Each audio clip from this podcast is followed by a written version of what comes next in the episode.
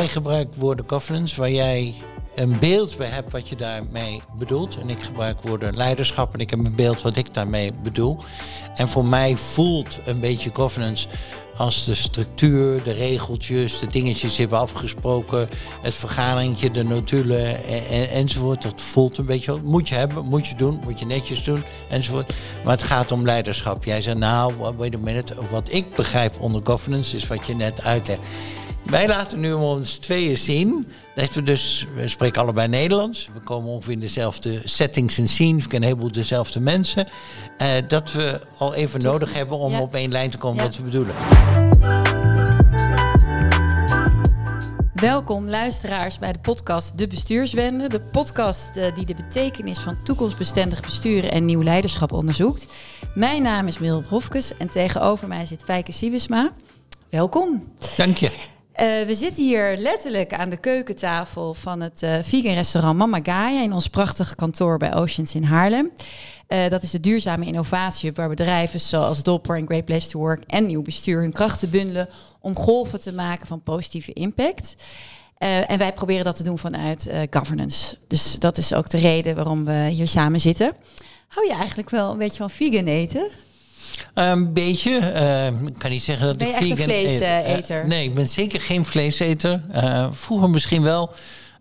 laatste jaar veel vis, af en toe ook vlees. en vegan heel af en toe. Maar is dat bewust dat je minder vlees eet? Ja. Dat wel, ja. Nou, we gaan straks. de keuken die maakt nog een paar kleine hapjes voor ons. Maar die gaan we natuurlijk nu nog niet eten, want we zijn in gesprek. Um, Leuk.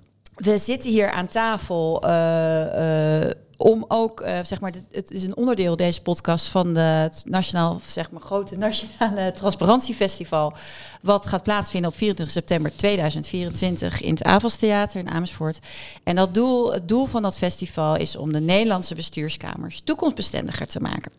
En in de loop van het jaar geven we daarmee informatie, meer informatie over uh, en hebben eens in de zoveel tijd een podcast met een topbestuurder. Want het gaat natuurlijk eigenlijk, hè, we gaan onderzoek doen naar de, wat er allemaal in de bestuurskamers gebeurt. Mm en Fijke, in feite ben jij vandaag als uh, topbestuurder het, uh, het spits af. Um, en uh, ik hoop op een fijn en open gesprek ja, aan de keukentafel. We zitten hier gewoon lekker met z'n tweeën, geen publiek. We kunnen helemaal eerlijk open zijn. Ehm, geen publiek. Ik hoop dat er af en toe nog mensen luisteren naar deze podcast. Ja, en ik denk heel veel. Maar we zitten hier. Uh, natuurlijk wel. Uh, Steve is er, onze podcast uh, regisseur. Ik ben geheel aan jou overgeleverd. Mildred, Mildred Hofkus. Aan de keukentafel. Zo moet je ons. Om het gesprek met jou te hebben. Precies. En vraag wat je wil vragen. We doen maar net alsof het niet eens wordt opgenomen. We gaan lekker met elkaar gesprekken. Het gesprek uh, is opgebouwd uit drie blokken. In het eerste blok wil ik graag met jou kijken naar de rol van Nederland binnen Europa en in, eigenlijk ook in de wereld. En hoe jij kijkt naar onze manier van leiderschap. Hè, hoe je de Nederlandse bestuurscultuur ziet. In het tweede blok wil ik graag met jou uh, meekijken in de Nederlandse bestuurskamers. Je zit zelf in, een uh, flink aantal bestuurskamers. Heb je gezeten, zit je. En wat er allemaal gebeurt. En we hopen dat, je, dat wij aan jouw hand een beetje mogen meekijken in de blackbox van besluitvorming. En tot slot wil ik graag uh, met jou het gesprek aangaan over jezelf als persoon, als mens. Wie ben je?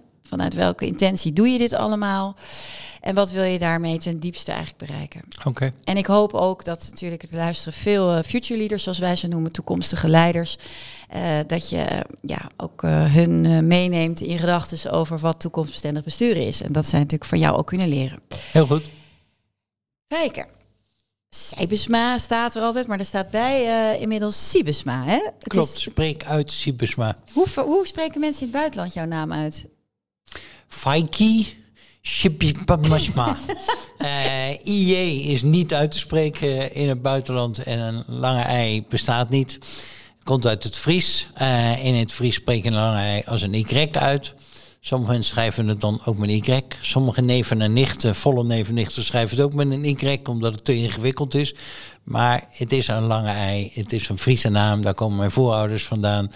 Schrijf Sijbersma, spreek uit Sibesma. Nederlanders kunnen Sibisma uitspreken. Buitenlanders wordt het Sibisma. heb je een nickname in het buitenland? Of heb je een soort artiestennaam? Dat je uh, nee, geen artiestennaam. Maar de meeste proberen me met mijn voornaam uit te spreken. Omdat de achternaam onuitsprekelijk is. En vinden dat ze de voornaam met, met heel goed uitspreken. en ik laat ze niet aan. Klinkt op zich wel sympathiek. Nou, jij bent op dit moment, als ik het goed heb, uh, voorzitter van de Raad van Commissaris van Philips.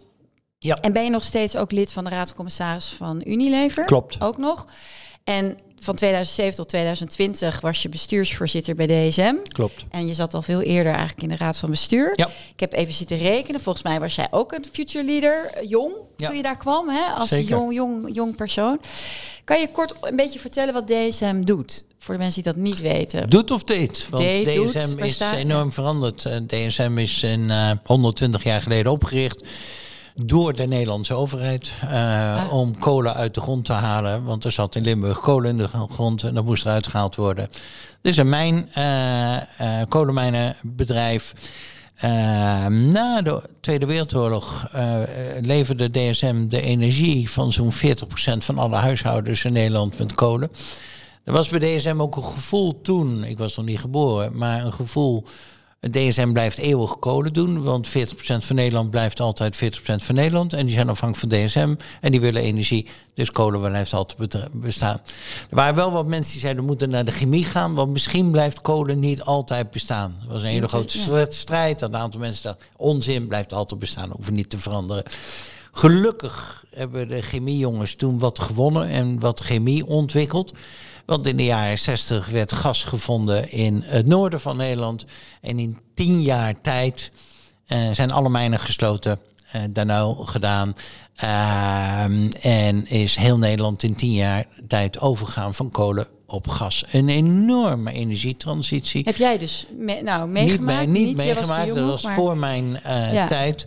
Uh, maar wel alle verhalen uh, ervan gehoord. Ook van mensen die bij DSM nog onder de grond, zo heette dat, gewerkt hebben. Toen ik bij DSM kwam, was het inmiddels een chemiebedrijf geworden. Een bulkchemiebedrijf. eind jaar 90. Jij kwam via Procades? Via Gis. Uh, overgenomen. Uh, het grootste biotechbedrijf toen van Nederland, waar ik in de raad van bestuur zat, overgenomen door DSM. En daar kwam ik na een jaar in de raad van bestuur van DSM, 1998, 99. Um, inmiddels een bulkchemiebedrijf uh, geworden. Waarvan ik me afvroeg, en ik was gefascineerd door het verhaal uit het verleden van kolen naar chemie. Uh, moet DSM een tweede transitie doorgaan. Uh, ja. En blijft chemie en de bulkchemie zoals we dat doen uh, eeuwig. Ik heb heel even tussendoor een vraag, want kreeg DSM dan staatssteun toen die transitie begon? Uh, in het begin, ja, hoe, hoe was ging? het in het begin, dat was in de jaren zeventig. Uh, het zat ik nog op school. Uh, ja, het was een staatssteun en er was ook provinciesteun. Uh, er zijn allemaal bedrijven naar het zuiden van Nederland gegaan. Uh, APB ah, en CBS en weet ik wat. Om de werkgelegenheid. Want er werden 40.000 mensen ontslagen ja. die onder de grond werkten. Uh, dus het was wel een drama voor Limburg toen. en de overheid heeft mij geholpen, die transitie. Gelukkig had DSM iets dus in chemie. En kon ze een chemiebedrijf worden waar heel veel andere kolenbedrijf, veel kleiner, Oranje Nassau en weet ik veel wat. En die zijn allemaal failliet gegaan, want die hadden niks anders. Nou, DSM werd een chemiebedrijf. Toen ik kwam, was een bulkchemiebedrijf. En, en ik vroeg me af of dat eeuwig zo zou blijven. En ik had twee redenen daartoe. Eén had met duurzaamheid en toekomstbestendigheid te maken. Blijven de producten en de dingen die wij doen uh, groeien goed. En wat voor scope had je dan? Vijf of tien jaar? Of hoe, hoe dacht je daarover? Ja, uh, zeker tien jaar plus. Ja. We gaan niet in één keer in vijf of, of misschien wel tien jaar uh, alles verliezen. Dat zal wel niet. maar wel op lange termijn.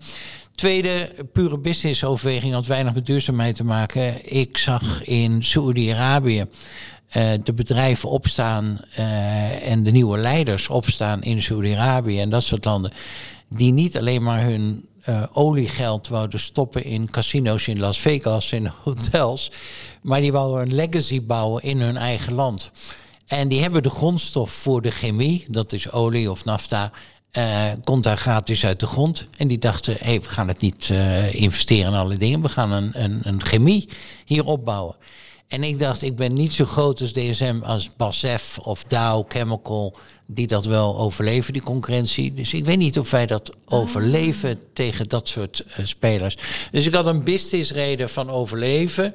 En ik had een reden van, uh, wat is de nieuwe toekomst? Moeten we niet naar voeding, naar nutrition, uh, weg van vervuilende uh, industrieën? Ik had twee, wat meer groeiperspectief geeft. Um, en die twee redenen, en ja, kon ik bij, ik ben van huis uit een bioloog. En ik ben gefascineerd door een van de grootste leermeesters van mij. Maar ik heb hem nooit ontmoet, want was al overleden toen ik geboren werd. Uh, Charles Darwin. Oh. uh, uh, heel lang daarvoor overleden al. En, en Darwin heeft toch wel een van de meest fascinerende boeken geschreven. The Origin of Species, yeah. waar we allemaal vandaan komen. En in het boek schrijft hij op een bepaalde pagina... To my surprise, comma, to my own surprise, hij was verbaasd... It is not the biggest... It is not no, the fastest. Yeah. it is not the strongest. But it is the fittest who will survive. En dat is zo'n belangrijke zin. En het fittest is niet degene die het meest naar de gym gaat, maar de fittest is degene die zich het meest kan, kan, aanpassen. Exact, yeah. to fit in in het Engels. En ik heb altijd gefascineerd. Uh, de wereld om je heen verandert dus continu. En als je je dus niet aanpast en blijft vasthouden uit de dingen alleen maar uit het verleden, dan leg je het loodje op het einde. Dat geldt voor soorten, dat geldt voor organisaties, dat geldt voor uh, landen, dat geldt voor iedereen. En dat waren voor mij de drijfveren om te zeggen, we gaan DSM veranderen. Um, ik kwam toen ook bij, uh, en, en, en, een aantal jaar later werd ik CEO, 2007 heb ik tot 2020 gedaan, bijna 14 jaar. Um, en toen ik bij mijn plannen kwam bij de Raad van Commissarissen, eh, we gaan het bedrijf geheel veranderen. We gaan eigenlijk het geheel veranderen. Wat bedoel je? Nou, misschien gaan we uiteindelijk wel van 85, 90, 95 procent van wat we hebben afscheid nemen en nieuwe dingen doen. Oh, is dat is niet riskant? Maar ik heb iets leuks gelezen van Peter Elverding over jou. Wat dan? Nou, over dat hij vertelde over die cultuurverandering. Ja. En dat hij vond dat jij was een of andere snoesa die mee was gekomen met broka, weet je, opnieuw in dat bedrijf. Ja. En dat jij had hele goede ideeën over cultuurverandering. En dat hij heel veel van jou geleerd heeft op dat gebied over dat cultuur gaat ook met structuur. En dat je wel iets kan bedenken in een boardroom, maar je moet ook je bedrijf meekrijgen. Peter Elvening was mijn voorganger. Hij is overleden, helaas veel te jong. Uh, bijzonder mens. Hij heeft veel van mij geleerd, dat is mooi om te horen. Maar ik heb ook heel veel van hem geleerd. En ook bij hem zat al dat hele duurzaam denken, toekomstbestendig denken erin. Dus uh, ik ben getroffen door het feit dat ik zelf bioloog ben, mijn eigen achtergrond, misschien mijn eigen ouders, gezin waar ik uit voortkom enzovoort. Maar ook door mijn uh, voorganger. Ja, en uiteindelijk hebben we heel DSM veranderd. Het is nu geen chemiebedrijf meer. Het is nu een nutriëntenbedrijf, een voedingsmiddelingrediëntenbedrijf, duurzame eh, energie, een uh, heel ander type eh, bedrijf. En we hebben eigenlijk zo'n beetje 95 procent waar we goed in waren toen ik begon, afscheid van genomen. De Raad van Commissaris vroeg toen, jeetje, als we zo'n verandering doorgaan, is dat niet riskant? Nou, daar had ik maar één antwoord op. Nee. En dan gaat het echt waar? Ik zei, nee, natuurlijk is het riskant. Het is heel erg riskant. Maar niets doen is ook is riskant. riskanter misschien. Uh, dat voelt niet altijd riskanter, niks doen, maar het is het wel. Uh, en de vraag is natuurlijk niet of het riskant is. De vraag is, hoe kunnen we het zo managen in stappen... dat we de risico's die daarmee gepaard gaan uh, kunnen beheersen. In het begin was het best wel spannend. En ik moet ook zeggen, in het begin ging het niet direct goed. We namen wel afscheid van dingen, dat kan je doen. Maar de dingen die we nieuw ontwikkelden of aankochten, dat ging niet direct goed. Dus er kwam ook druk van aandeelhouders van leuk bedachte strategie, maar ik weet niet of dat gaat werken. Op een gegeven moment hadden we ook een activist, uh, weet ik wat. Dus uh, er is best druk geweest. Uiteindelijk En in het begin dacht ik ook wel eens, nou, ik word de kortzittende CEO van dit bedrijf. Dan moet ik in ieder geval één record op mijn naam. Het werd de langzittende, maar dat wist ik in het begin ook niet. Ehm, en uiteindelijk is het heel goed gegaan. We hebben het? Ja, bedrijf zeker. omgebouwd. En jij bent natuurlijk ook niet, eh, je bent er veel ook om gewaardeerd en natuurlijk een veel eh, graag geziende eh, spreker hierover. Want het is natuurlijk in deze tijd waarin we nu zitten, zijn veel bedrijven op zoek naar die transitiemotor. Ja. hè? En ik vond het wel mooi dat Peter Elving ook zei over die transitie. Dat kost gewoon ook ruimte en tijd. Ja. En dat maakt het ook zo spannend. Maar dat is natuurlijk komen we straks nog wel op, hè? Van hoe dat gaat nu de druk eigenlijk groter en groter wordt. Dat bedrijven eigenlijk, Ja. eh, bij wijze van spreken, misschien, hè, hoe ga je er dan mee om? Dus dat, dat gaan we straks misschien nog wel even. Want jij hebt Ook iets te maken met de keuze van je aandeelhouders. Nou, dat, dat aandeelhouderschap, dat is natuurlijk, de, dus, dat wordt heel vaak genoemd als, Ja. een, als een showstopper in transitie. eh.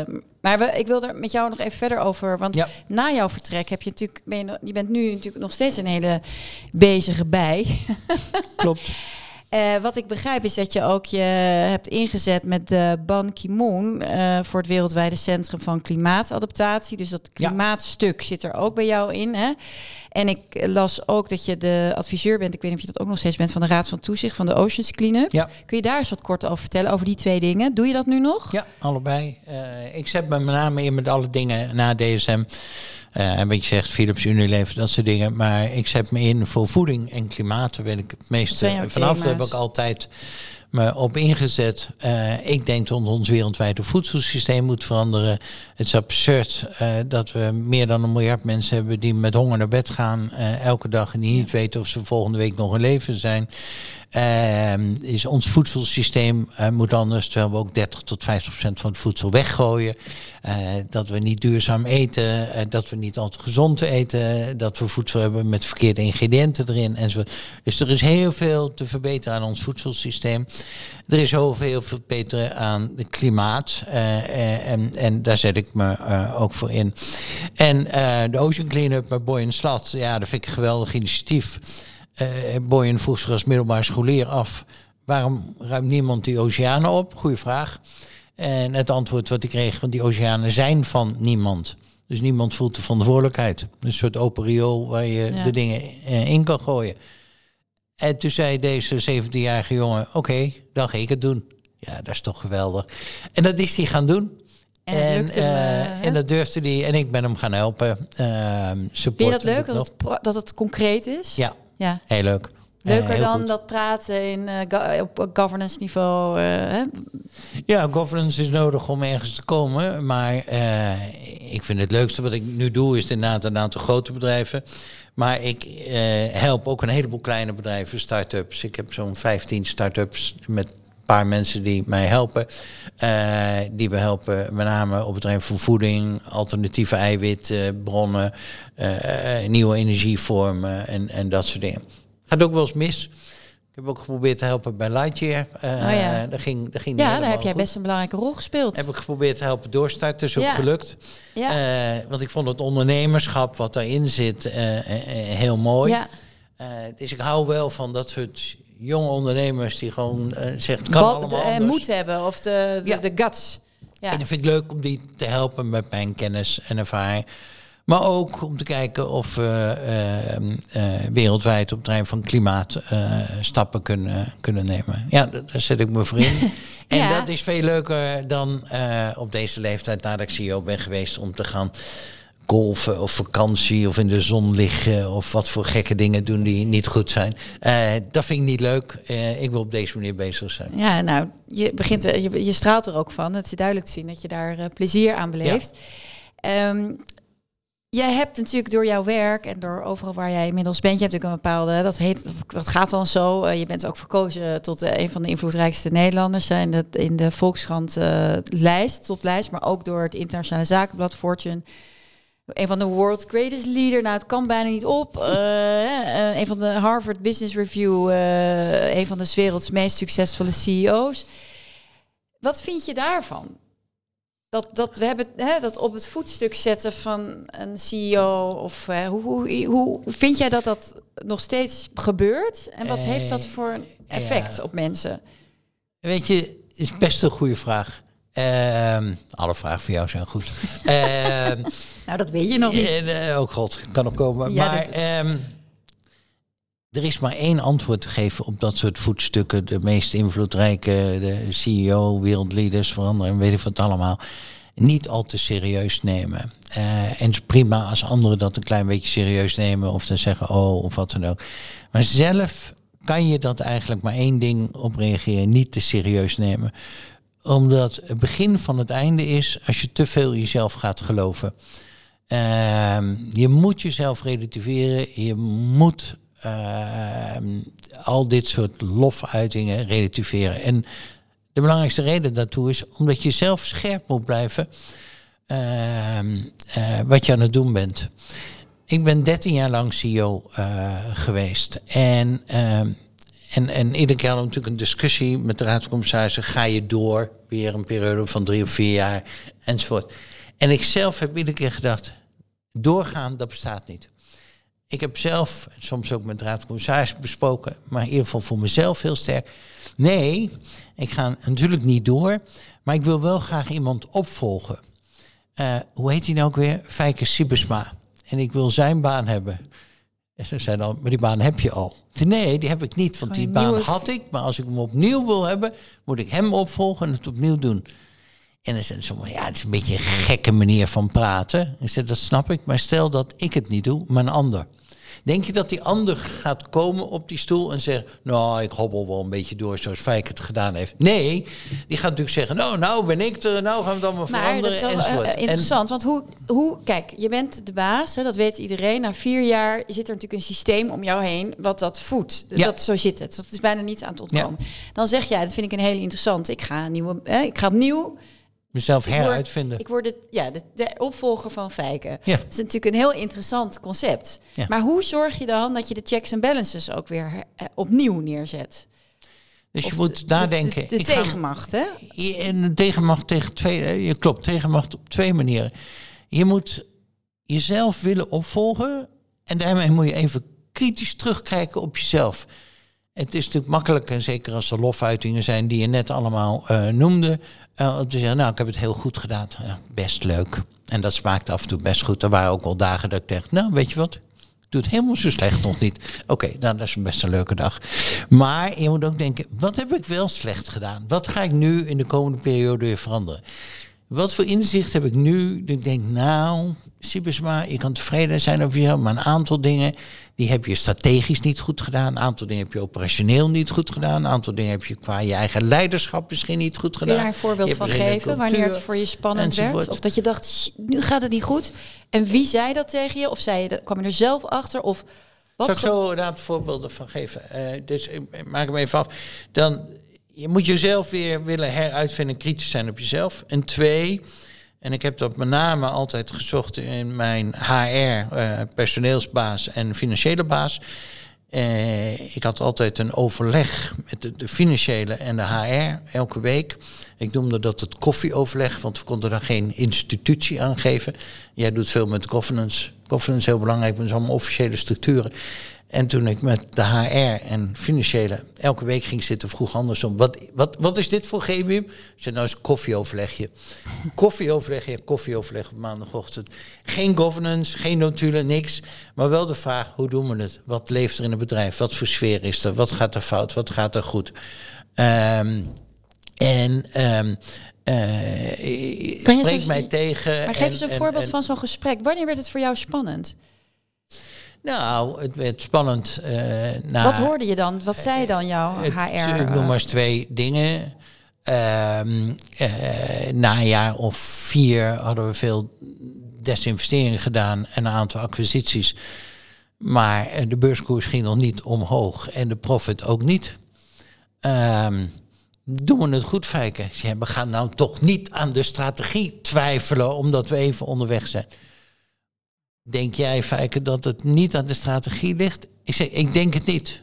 Goed, dan ligt het aan de uitvoering van de strategie, Fijke. Ja, jeetje. Ja, maar dat is best lastig en dat kost tijd en weet ik wat. Je hebt direct je eigen argumenten klaar. Waarom, waarom? Toch, in dat soort gesprekken werd ik getriggerd. Oké, En wat is het, waarom kost het dan tijd? En waarom gaat het dan niet snel? Nou, omdat niet iedereen even goed begrijpt ook eh, hoe die veranderingen in elkaar zitten, wat je wil. Oké, moet ik nog meer townhalls geven? Moet ik nog meer één op één gesprek hebben? Uh, ja, oké. Verder daarover pratend. En mijn HR, ontzettend kritisch altijd mij. Uh, heel goed fijken. Dat ga je allemaal zelf doen, hè? Voor 30.000 mensen. Ze nee, dat kan natuurlijk niet. Goed. Kan jouw top 30 het net zo goed als jij? Dat weet ik eigenlijk niet. Oh, is dat een goed antwoord op die vraag? Nee, dat is geen goed antwoord op die vraag. Weet je wat we gaan doen? We gaan met die top 30 bij elkaar zitten. Dan ga ik niet het verhaal vertellen aan die top 30. We gaan iedere keer mensen van die top 30 voor de top 30 zetten. Die niet fake mee eten. En die ga ik vragen om het verhaal aan ons top 30 te vertellen. En kijken of die ongeveer hetzelfde verhaal vertellen. En we gaan elkaar daarop trainen, zodat zij, alle dertig, ook in het bedrijf. Maar mocht het ook hun verhaal worden? Dat, exact, dat moet hun verhaal ja, worden. Dat en dat gaf een ontzettend vliegwiel. En ik leerde ook dat als mensen van mijn top 30 het verhaal van mij aan mij gingen vertellen, dat ik af en toe dacht: joh, dat zou ik net anders zeggen. En waarom zeg jij het zo en waarom doe je het zo? Gaf ontzettend veel uh, leermomenten. Uh, dus dat soort gesprekken, challenge jezelf van hey, doe ik het eigenlijk wel goed en komen er op die manier. Maar ik herinner me ook nog een ander moment. Uh, toen heel erg ingezet op duurzaamheid. We wonnen alle prijzen. Dow Jones Sustainability Index, elk jaar nummer één. Enzovoort. Dus er ontstaat een soort ook zelfgenoegzaamheid van... nou, op het van duurzaamheid doen we het heel goed. Dus op een gegeven moment iemand in dat koffieoverleg. Ja, en we hebben nog steeds geen laadpalen voor elektrische auto's op onze parkeerplaats. Zelf, hè? Dus zo goed doen we het, hè, Fijke? Ja, oké. Oké, jeetje. Oké, alsof dat het ding is, dan, dan, jeetje, dan gaan we daar elektrische laadpalen neerzetten. Oké, point taken, gaan we doen. Zeker. Noemen er nog één of twee voorbeelden over de verlichting in de gebouwen enzovoort. En toen dacht ik, oké, point taken. En toen ben ik naar een, een meeting van onze top geweest. Ik zei, iedereen kan nu indienen alle inconsistenties hebben in een bedrijf. Dus op heel bedrijven zeggen we natuurlijk A en doen we B. En ik heb iedereen ook de neiging om heel blij te zijn, omdat we alle prijzen winnen enzovoort, om heel blij te zijn met onszelf. Maar laten we gewoon eens een tijdje niet blij zijn met onszelf. Iedereen mag alles noemen waar we inconsistent zijn. Ik moet zeggen, het begin dacht van, nou, ik denk dat we best goed zijn. Er zullen zeker wel inconsistenties komen. Maar dat zal hier en daar toch wel meevallen, toch? En dan kwam natuurlijk toch uiteindelijk een hele waslijst waarvan je denkt, oh, en daar zijn we aan gewerkt. En dat heeft me ontzettend geholpen om te denken, hé, hey, waar zeggen we A, waar doen we B? Op jouw punt van, oké, ik, ik, won alle prijzen, DSM won alle prijzen. En krijg je ook wel als persoon, want dit zijn natuurlijk ook, uh, dit is misschien klinkt nog een beetje voor mij veilig, want dat is uitvoering en zo. Nou, niet Maar heb jij wel eens, ik heb dat ook wel eens gehad, dat ik gewoon in, een, in, in mijn eigen omgeving was, in mijn groep. En dat er opeens tijdens die vergadering of die meeting heel duidelijk feedback kwam naar mij. Namelijk dat de persoon vond dat ik gewoon niet luisterde. Hmm. En toen en toen greep iemand anders in, want soms is dat heel moeilijk, want dan moet er eigenlijk een soort media, um, ja, niet iemand zijn die dat een beetje manage. Maar hm. toen zei ik, maar die vroeg, heb je haar goed gehoord? Dus ik zei, ja, ik heb haar zeker goed gehoord. Dus ik legde uit wat ik had gehoord. Ja. Maar dat was dus helemaal niet wat zij bedoelde. En dat was echt wel pijnlijk. Heb jij dat ook wel eens gehad, zoiets? Nee, nog nooit. Ja, allicht. ja, allicht. maar het is eh. fijn dat mensen het doen, hè? Ja, dat is een cadeau. Ja, en dat hangt ermee samen. Uh, en dat is heel belangrijk in leiderschap, denk ik. Heb je een zekere mate van kwetsbaarheid? Ja. Heb je een zekere mate van humor? Ik, in geval, nee, hoeft niet altijd. Ik gebruik humor. Ik heb ook wel eens. Uh, veel mensen zullen dat herkennen bij DSM. Dan zit je in een vergadering en dan zit je er heel stevig in. En uh, nee, en ik denk, ja, dit gaan we echt doordrammen, dit moet. En ik denk halverwege, ja, ik geloof dat ik toch fout zit. Wat ik dan af en toe heb gedaan, is gezegd, potverdikke me. Weet je, ik kan me je zo aan ergeren aan deze discussie. Uh, weet je wie het totaal verkeerd ziet hier? Dat ben ik zelf. en uh, in de volle achteruit nu. En uh, totaal veranderen. Dan moet iedereen natuurlijk lachen. Iedereen schrikt even van wie ziet het dan verkeerd? Nee, ik zelf. Oh. en dan doe ik het met humor. En dan heb je een beetje een onluchtingsvalf en een velf en dan lacht iedereen. Maar toch creëer je daarmee voor een heleboel mensen ook ruimte. ruimte. Want kan je dit ook doen in het buitenland? Dat kwetsbaar of is dat gek? Is dat heel Nederlands? Ja, dat is een goede vraag. Um, in sommige landen uh, minder. Ik ben wel eens. dat is een goede vraag die je stelt door onze Amerikaanse baas op mijn vingers getikt. En het is ook language. Uh, uh, toen ging ik vertellen, was ik weer in Amerika en dan ging ik vertellen na een kwartaal hoe goed we dat deden, want onze resultaten waren al heel goed kwartaal gedraaid. En toen zei ik, uh, it was not a bad quarter. Uh, dat is een Nederlandse manier oh om te zeggen ja. dat we het eigenlijk goed gedaan hebben. En uh, we are not doing bad at all. En de Amerikaanse baas achteraf zei, wat is dit nou voor ongelooflijk slappe presentatie? We hebben het heel goed gedaan. We were great this quarter. dus ja, maar dat ga ik, ga ik niet zeggen en dat werkt niet. Dus dat werkt hier wel. Mensen willen trots zijn. En dat heb ik wel moeten leren, dat ik dacht van, ja, als ik in Nederland zeg, uh, we are great, we are the best, we are the best of the world, dan denkt mijn audience, ja, ja, tandje minder mag het ook wel. En als je in Nederland dus zegt van, nou, het was niet slecht kwartaal, dan, dan voelt, begrijpt iedereen wat je bedoelt. In Amerika denkt men letterlijk dat ik dan niet een heel slecht kwartaal had. Dat is niet bepaald goed. Dus ja, dat is interessant. Moet dat anders maar En hoe zie jij dat dan? Want in Nederland hè, wordt heel vaak gezegd... wij moeten uh, dienend leiderschap, verbindend leiderschap. Hè. De leider is, niet, uh, is meer de richtinggever dan de, de baas. Is dit het leiderschap uh, waar jij in gelooft? Of zeg je, ja, maar dat is misschien heel leuk in Nederlands achter de dijk hier met elkaar... Maar dat, dat zal ons niet verder helpen in de wereld. Of denk je juist, de wereld kan daar juist van leren? Nou, nou dat zou ik arrogant vinden, want culturen verschillen en niemand hoeft zich aan te passen aan een andere cultuur wereldwijd. Um, ik denk wel dat er wereldwijde verschillen zijn en dat moet je zelf realiseren. Dat maakt ook het uh, leiden van een wereldbedrijf uh, lastig. Want je hebt soms maar één brief die je uitstuurt, of één e-mail of één video voor de hele wereld. Je gaat daar niet tien van opnemen met een andere kleur enzovoort. En die moet iedereen begrijpen, de Chinees en de Amerikaan enzovoort. Wat wel bijna in alle culturen werkt, is als je uitlegt wat je zegt en uitlegt waarom je het zegt. Ja. Bijvoorbeeld, ik kon het af en toe niet laten om in Amerika toch te zeggen, we don't have a bad quarter. Maar dan legde ik daarna uit, ja sorry, this is a Dutch expression of a great quarter. waarom wilde je dat zo en doen? En dan legde ik het uit in plaats van, want ik kon het haast niet over mijn lippen krijgen. The greatest enzovoort. Want dat past niet bij mij. Maar ik begrijp wel dat als ik het niet uitleg, dat de Amerikanen mij ook niet goed begrepen. Dus dan zei ik het toch in mijn language en dan legde ik het uit. Maar don't take me wrong. Ik leg uit in wat ik zeg. Ik heb één keer ook meegemaakt, dat was wel grappig. Het was ook een eye-opener begin. Toen zat ik met mijn Chinese baas en mijn innovatiebaas op mijn kamer. En toen stelden we iets voor en toen zei ik, uh, laten we dit zus en zo doen. En toen zei mijn innovatiebaas, nee, no way, gaan we niet zo doen, Fijken. Tegen, ja, bij, tegen mij, waar die ja, Chinees bij zat. Die Chinees keek op van, oeh, dat is no, Fijken, no way, we're not going to do. Dat is een vrij sterk statement tegen de CEO. En ik praat eroverheen en we gingen in discussie en uiteindelijk kwamen we eruit enzovoort. En toen zei die Chinees, ik heel goed kende, is een goede vriend geworden.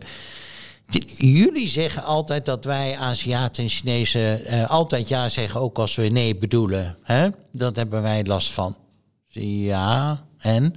En waar jullie last van hebben, is dat je altijd nee zegt, terwijl je ook niet altijd nee bedoelt. Ik begrijp er helemaal niks van. Rob zegt net tegen jou, nee, no way. Dat is vrij sterk. Ja.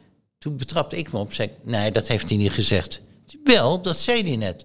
Ze hebben niet gehoord. Dat zei hij net. Nee, volgens mij zei hij, ik ben het er niet helemaal eens en ik wil wat verandering aanbrengen. En heeft hij ook gelijk en hebben we ook gedaan. En toen realiseerde ik me, hij heeft het wel gezegd, maar in je Nederlandse cultuur en language hoor ik de toon. Anders, ja. Als hij zegt, Jij kent Eh, dat. jij ja, kent wat hij je- bedoelt. Ik ja, bedoel, je kent de betekenis zegt- achter die woorden. Exact, hij zegt een beetje van ja. no, no way. En dat hoort niet bij mij als no way, dat hoort bij mij als ik wil nog even tegendrukken. En jullie iets praten dan altijd wel Nederland of eh, Engels met elkaar? Ja, hè, want dan ga je natuurlijk niet. Ja, nee, natuurlijk. En, eh, en dat hoort anders. En toen realiseerde ik, zegt Wei Ming, you're totally right. En, en daarvoor is, is taal en language is wel, wel, ja... Je moet elkaar goed leren begrijpen eh, wat je bedoelt. En ik lees dingen anders. Zoals Wei Ming twintig keer ja kan zeggen... maar sommige andere Chinezen weten dat die ja eigenlijk een nee is. Ja, ja. Ja, dat Maar moet je leren. Maar ik vind taal ook zo boeiend. Want, en de vraag is ook, vind ik best wel in dat internationale boardroomverkeer, hoe je daarmee omgaat met die verschillende nuances. Hè? Ja. Dat is lijkt me, maar daar komen we straks nog wel op. Maar wat ik zelf zo mooi vond was, eh, er ge- gebeurt natuurlijk veel in de Nederlandse politiek en eh, ook in de partijen. En hè, het gaat ook over, het is mijn partij, van wie is de partij en wie, eh, wie, wie is de leider, wie, zijn, eh, de, de- wie heeft het laatste woord. En wat ik dan zo mooi vind, dat er ook culturen zijn in Peru van eh, native cultures waar ze dat woord bezit eigenlijk helemaal niet kennen. Dus dan zeggen ze niet, dit is mijn man en zijn mijn kinderen. Maar dan zeggen ze, dit is de man die met mij is. Ja. Vind ik zo mooi. En dit zijn de kinderen die bij, bij, hè, van, bij mij zijn. En dit is het bedrijf wat met mij is. Klopt. Dat is zo heel anders. Ja, Dat vind ik heel mooi, hoe zien woorden wel kunnen- hoe in een groot bedrijf. Het is af en toe al lastig in een huwelijk en een gezin. Maar kan je nagaan in een groot bedrijf. Om goed met elkaar te communiceren. Ook als top van een bedrijf, als leiders. Je, eh, je communicatievaardigheden. En ook te weten waar je af en toe miscommuniceert. Ja. En niet zwelgen in van, ja, maar ik heb het toch gezegd, ja, maar ik heb het toch duidelijk gemaakt. Ja, ik heb het al. Ik ben altijd sensitief voor leiders die ook wel eens bij mij kwamen. Ik snap het niet. Ik heb het al tien keer uitgelegd, ze snappen het nog steeds niet. Dan zeg ik altijd, dat zal wel aan hun liggen dan, hè? Ja. Niet? Ik zeg, nou, als je het al tien keer hebt uitgelegd en ze snappen het nog niet, dan zou ik de oorzaak ergens anders zoeken. iets met de zender. Ja. Hey, en wat, want dit, jij hebt, eh, dat is natuurlijk eh, ook interessant dat jij die blik van buiten naar binnen hebt bij Nederlandse bestuurscultuur. Want wat versta jij dan onder toekomstbestendig besturen? Is dat die taal? Is dat eh, die heldere visie vooruit? Hoe zou jij het beschrijven? Future-proof governance. Ehm, waarom zeg je governance en niet leiderschap? Omdat het ook gaat om de aansturing van het bedrijf. Dat is groter dan alleen maar de leider. Nee. eh, De poppetjes. Het zit ook in, in het governance gaat toch ook over de manier hoe besluiten worden genomen. Ja, En dat is waar eh, governance in onze taal eh, over governance is het systeem. Ja, ja, maar En misschien technisch. leiderschap gaat verder dan de leider. Dat is ook de, de, de manier van leiderschap in een bedrijf. Komt ook terug op leiders. Ik vind het makkelijker, en misschien doe ik iets verkeerd, Mildred, maar eh, ik vind het makkelijk om te beginnen met leiderschap en leiders dan governance. Ik vind ook eigenlijk dat, geloof ik, daar begint, maar dan kan je over reden twisten. Ehm, voor mij begint leiderschap. eh, leiderschap zijn voor mij eh, eh, drie dingen. Het zijn vijf elementen, drie dingen. Ik zal het uitleggen. Eén, het begint met inzicht.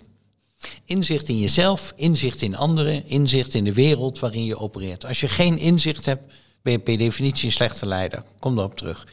Twee, je moet dingen doen. Je moet een visie ontwikkelen en een visie neerleggen. En je moet connecten, je mensen meekrijgen. Dat moet je doen. En drie, het moet in iets resulteren. Je moet je resultaten afleveren. En je moet mensen, die future leaders, developen in je organisatie. Dat is voor mij leiderschap. Het begint met inzicht. En eh, ik heb Maar al- dit, heel even, hè, want nu komen we met governance en leiderschap, nu snap ik hem. Want jij hebt het echt over de personen en de, en de manier hoe je dat vormgeeft. Als ik naar governance kijk, dan Ja. kijk ik naar wie zitten daar. ja, Dat gaat dus over de intentie van de bestuurders die daar zijn.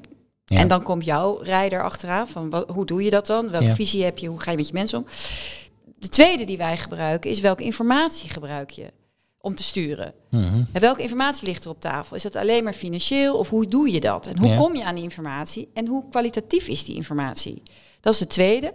En de derde is, hoe transparant communiceer je vervolgens over de besluiten? Mhm. Dus hoe zijn besluiten tot stand gekomen en hoe transparant communiceer je daarover?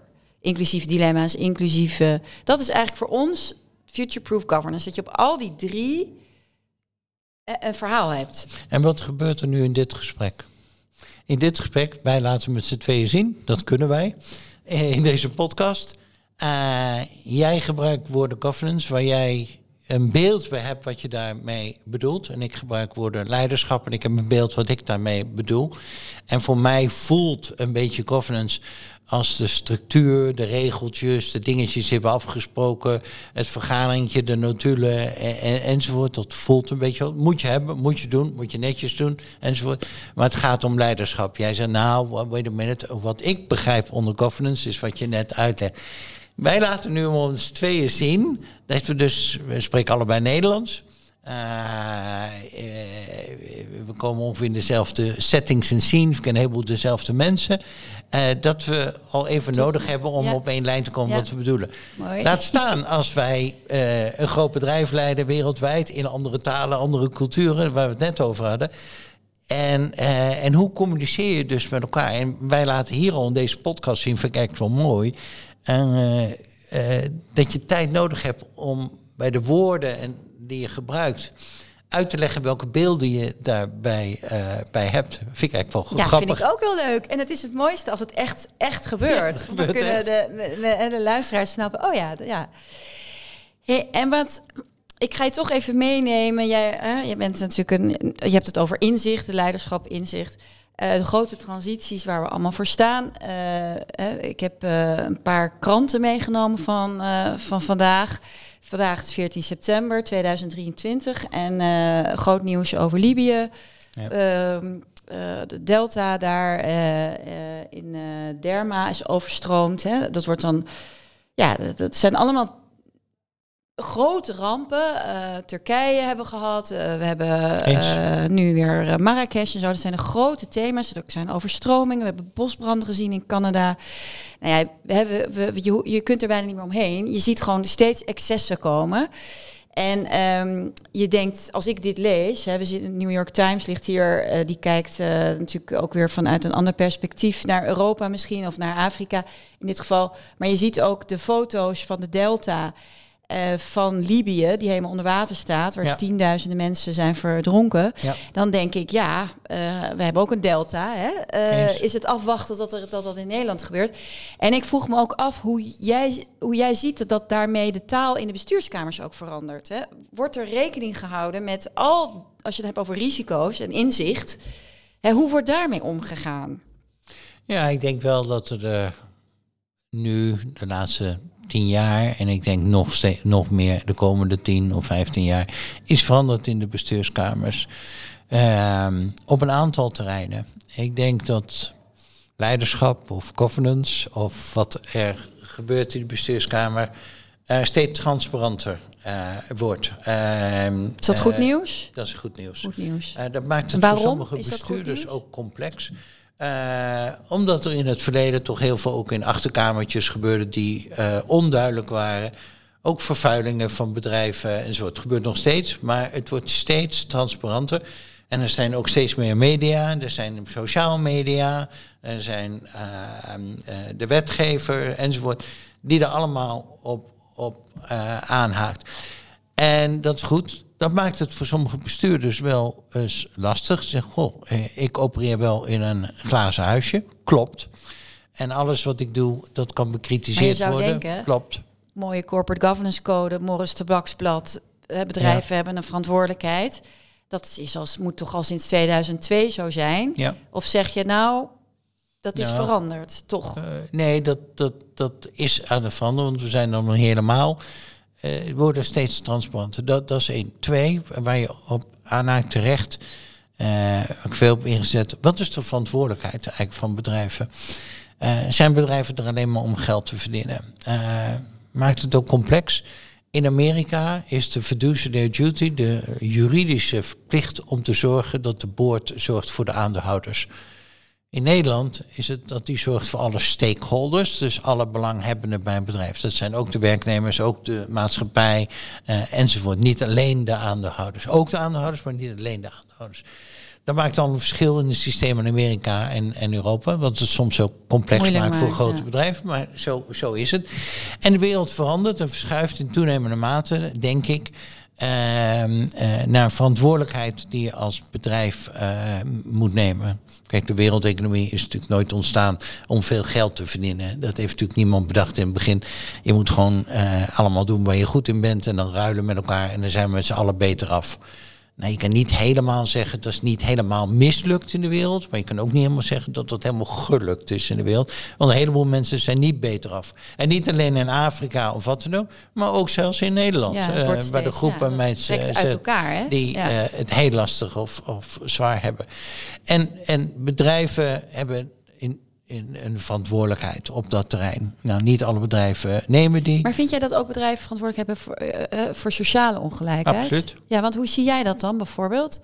Dat is een minimaal eh, dat eh, in- de keten goed betalen en zo. Daar Dat je in de keten goed betaalt, dat Ja. je eh, zorgt dat jouw toeleveranciers, dat niet altijd zichtbaar hebben, maar zoveel mogelijk probeert, dat die hun mensen goed betalen enzovoort. En probeer je niet alleen te verschuilen achter dingen die je niet ziet of een andere wetgeving. Ik zei bij DSM, eh, op een gegeven moment we een voorstel, een van de nieuwe fabrieken in China, moeten we daar ook een afvalwaterzuivering eh, achter zetten. Ja, want dat doen we in Nederland ook. Ja, maar aan die plaats in China, maar we doen, doen de andere concurrenten, die zitten aan dezelfde rivier, doen dat niet. Ik zeg, en dan? Ja, dan kunnen we het vuile water gewoon in de rivier lozen. Trouwens, dat doen onze concurrenten ook. Trouwens, dat is legaal, dat is de wet. Jaren terug. Ik zeg, maar in Nederland gaan we dat niet doen. Nee, want het is wel vuil water. Ik zeg, maar luister eens, wat we in Nederland doen, omdat het onethisch of, wat, dat- of nou juridisch hoe het nou zit, dat gaan we in China ook zo doen. Oké, maar dan zijn we wel duurder in de investering dan de concurrenten. Ze dan verzinnen we maar iets anders, waardoor we weer slimmer zijn dan de Ja, concurrenten. want wat levert het jou op om dat wel te doen, vind jij? Of het Eh, bedrijf? nou, financieel in 1, 2, 3 niet. Niet, je bent nee, eh, maar meer geld kwijt dan je concurrent. Dus je moet weer een ander ding bedenken om wel concurrerend te zijn. Vind het ook moeilijk dat bedrijven zich continu verschuilen achter. Ja, maar mijn concurrent doet het ook. Vind ik geen goed argument. Ik begrijp het wel, maar ik vind het geen goed argument. Ehm, eh, en je bedenkt maar iets anders, dat je weer beter bent dan je concurrenten. Wat het je oplevert, is dat je als een goed huisvader zorgt voor deze Ja. planeet en zorgt voor je bedrijf. En dat is ook je verantwoordelijkheid. Dat je als een goed huisvader zorgt voor deze planeet en voor je eigen bedrijf. En uiteindelijk denk ik, uiteindelijk eh, zal het je ook helpen met je klanten, met je personeel enzovoort. Ik zeg, toen ik 15 jaar geleden begon met deze journey, toen zeiden mensen tegen mij: Oké, bent een nieuwe CEO, wat wil je? Ik zeg, ik wil een betere wereld maken en een beter bedrijf maken. Ja, ja, heel goed. En welke van die twee is belangrijker? Ik zeg, alle twee zijn ze belangrijk. nee, nee, nee, maar waar, ik begrijp het. Maar waar focus je op? Je gaat dat bedrijf veel beter maken, winstgevendheid. En je doet een beetje leuk op klimaat en die andere dingen. Right? Ik nee, ik ga proberen echt bijdrage te leveren aan een betere wereld. En ook aan een beter bedrijf. Er zeiden wel veel financiële analisten van jeetje, nou vergeet het aandeel dan maar, want dat wordt nooit wat. Eh, uiteindelijk, het aandeel is een factor 4, 5 keer gestegen in die periode. Jij Dus zit daar ook toen ik- bij, denk je? En, en, en, en dat, dat, dat, weet ik niet. dat- Uiteindelijk hebben we ook van duurzaamheid ons businessmodel gemaakt. Uiteindelijk hebben we slim nagedacht hoe je aan duurzaamheid ook geld kan verdienen natuurlijk. Eh, Zegt het ook iets over de kwaliteit van besturen? eh, Dat aandeelhouders denken, daar zit het wel goed. Misschien nu, toen zeker niet. Toen was men heel kritisch. Toen ik afzwaaide, toen zei men, oké, je hebt gelijk. Ik zei, wat? Duurzaamheid en winstgevendheid kunnen samengaan. Wij dachten 15 jaar geleden, die bijten elkaar altijd. Je hebt gelijk, die kunnen samengaan. Ik zei, nou, dan heb ik nieuws voor je. Over 15 jaar zullen die twee dingen samen moeten gaan, eigenlijk nu al. Ehm, eh, niet kunnen, maar moeten. Want anders gaan de klanten niet meer bij je kopen. Anders gaan de overheden je niet meer accepteren. Anders gaat de maatschappij niet meer accepteren. Anders gaan de mensen niet meer bij je werken. Je gaat hier een probleem krijgen. Je zal op een nette manier voor de samenleving moeten zorgen. Ook op het terrein van ecologie en, en de planeet. Ook op het terrein van de maatschappij. En niet alleen profit. Dus het is people, planet, profit. Voor alle belanghebbenden, alle stakeholders. En dat is het enige model wat Maar je kan dat heb hebben. je- dat en dan staat natuurlijk wel af en toe krijg je druk van aandeelhouders die zeggen: Ik vind die korte termijn veel leuker. Ja, Ja, maar jij zegt het niet. is veranderd. En toch ben ik dan wel nieuwsgierig. Want jij bent nu voorzitter van de Raad van Commissarissen bij Philips. Ja. Hoe, zit het hoe gaat het nu? Met deze, dit, de- deze hè? hoe zie jij dat nu? Uh, nou, het is aan het veranderen. Want ik kan niet zeggen dat het overal verandert. Dus ik kan ook niet zeggen dat. Uh, kijk, steeds meer aandeelhouders zijn ook aan het veranderen. Steeds meer pensioenfondsen nemen hun eigen verantwoordelijkheid en, en, en helpen hiermee. Doen alle aandeelhouders dat? Nee. Uh, maar als bedrijf kan je zeggen, ja, ik krijg de aandeelhouders die, die mijn aandelen kopen. en zo is het. Je kan ook zeggen, ik ga, dat hebben we DSM ook gedaan, ik ga actief op zoek naar aandeelhouders die vind ik bij mijn filosofie passen. Daar ga ik heel vaak langs en proberen te overtuigen dat ze mijn aandelen moeten kopen. En andere aandeelhouders die mijn aandelen hebben, waar ik eigenlijk van denk, ja, die passen helemaal niet bij me, die ga ik gewoon minder bezoeken. Die geef ik gewoon geen aandacht. Maar jullie hebben net een hele grote nieuwe aandeelhouder. Ja. En die, daar ben je dus blij mee. Dat ben is ik heel blij ja, mee. Dat is een, een, dat is een lange termijn aandeelhouder. Ja. Die nu in Philips is gestapt die vertrouwen heeft in het bedrijf en die bedrijf... Het is ook een familiefonds ja. of uh, ja, van de Fiat, toch? Ja. Van de Fiat en de Ferrari, wat hebben ze allemaal nog meer? Dat klopt. Dus uh, het lijkt me een leuk, leuk groep mensen, heel eerlijk gezegd. Ja, maar de, kijk... Merk je dat ook? Is het ook een andere taal meteen, een andere energie? En of is het... twee dingen. Uh, ze denken lange termijn. Ja. En dat niet heigerig korte termijn. En dat heeft een bedrijf als Philips ook nodig mensen die lange termijn uh, denken. Want het is een bedrijf dat uh, door al die claims nog heen moet en dat zal nog wel even duren. Het is een bedrijf dat gebaseerd is op innovaties en technologie. Dat doe je niet van de ene dag op de andere dag. Dus het is een bedrijf dat lange termijn, aandacht, lange termijn opereert, maar ook lange termijn aandeelhouders dan moet hebben. Anderzijds, ik heb niet de illusie uh, dat ze alles zomaar voor zoete koek nemen. Natuurlijk zullen zij uiteindelijk ook rendement willen hebben. En uiteindelijk ook willen zien dat Philips gewoon performt. En terecht. Uh, maar ze zullen dat wel op een iets langere termijn doen dan van het ene kwartaal op het andere kwartaal. En dat heeft het bedrijf ook nodig. Ja, dat is mooi, want uh, je ziet ook dat in Nederland nu de discussie ontstaat hè, over uh, subsidies hè, van overheden voor bedrijven om te veranderen en om te, die transitie te maken. Um, recent is ook, ik weet niet of je daar al van al had gezien, maar dat Wetenschappelijke Raad voor Regeringsbeleid stelt dat de overheid grote bedrijven, zoals Tata Steel en Shell, te veel pampert, te veel subsidies, te veel fiscale tegemoetkomingen.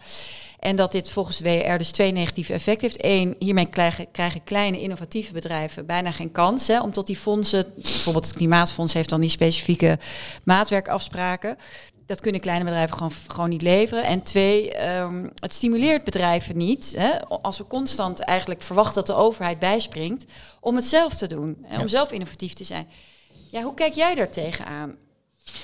Uh, er zijn allerlei vormen van subsidies natuurlijk. Het is subsidieland is een ongelooflijk complexe en veelkoppig monster, wil ik niet altijd zeggen, want het is ook helpvol. Maar uh, kijk, er zijn fossiele subsidies eh, waarbij uh, industriële bakkers, als ze veel uh, gas gebruiken, minder betalen per brood, zullen we maar even zeggen, uh, voor dat gas, omdat ze een veelgebruiker zijn. En een kleine ambachtelijke bakker die hetzelfde brood maakt tot we eten, krijgt geen subsidies.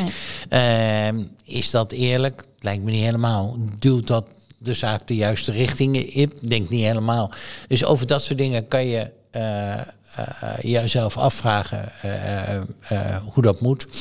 Ehm, grote bedrijven worden af en toe geholpen omdat we ook grote bedrijven willen houden in het land. Is prima. Maar worden ze maar gepamperd? Dat, te veel? dat zou niet goed zijn. Maar vind jij dat? Het ligt aan op welke terreinen rondom fossiel uh, uh, subsidies, waar heel veel over gezegd en geschreven is. En hoever het nou echt subsidies of niet. Maar een aantal fossiele subsidies zijn toch echte subsidies. Ik kan er heel genuanceerd over, over denken. Maar dat systeem is aan verbetering en verandering onderhevig, zonder meer.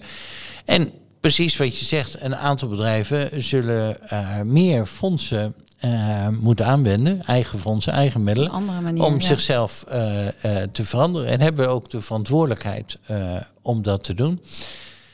Het ligt altijd heel complex. Uh, uh, een bedrijf als Tata heeft natuurlijk weer twee uh, verschillende elementen. Het is de CO2-uitstoot, die is nationaal en die moet reduceren, ander proces.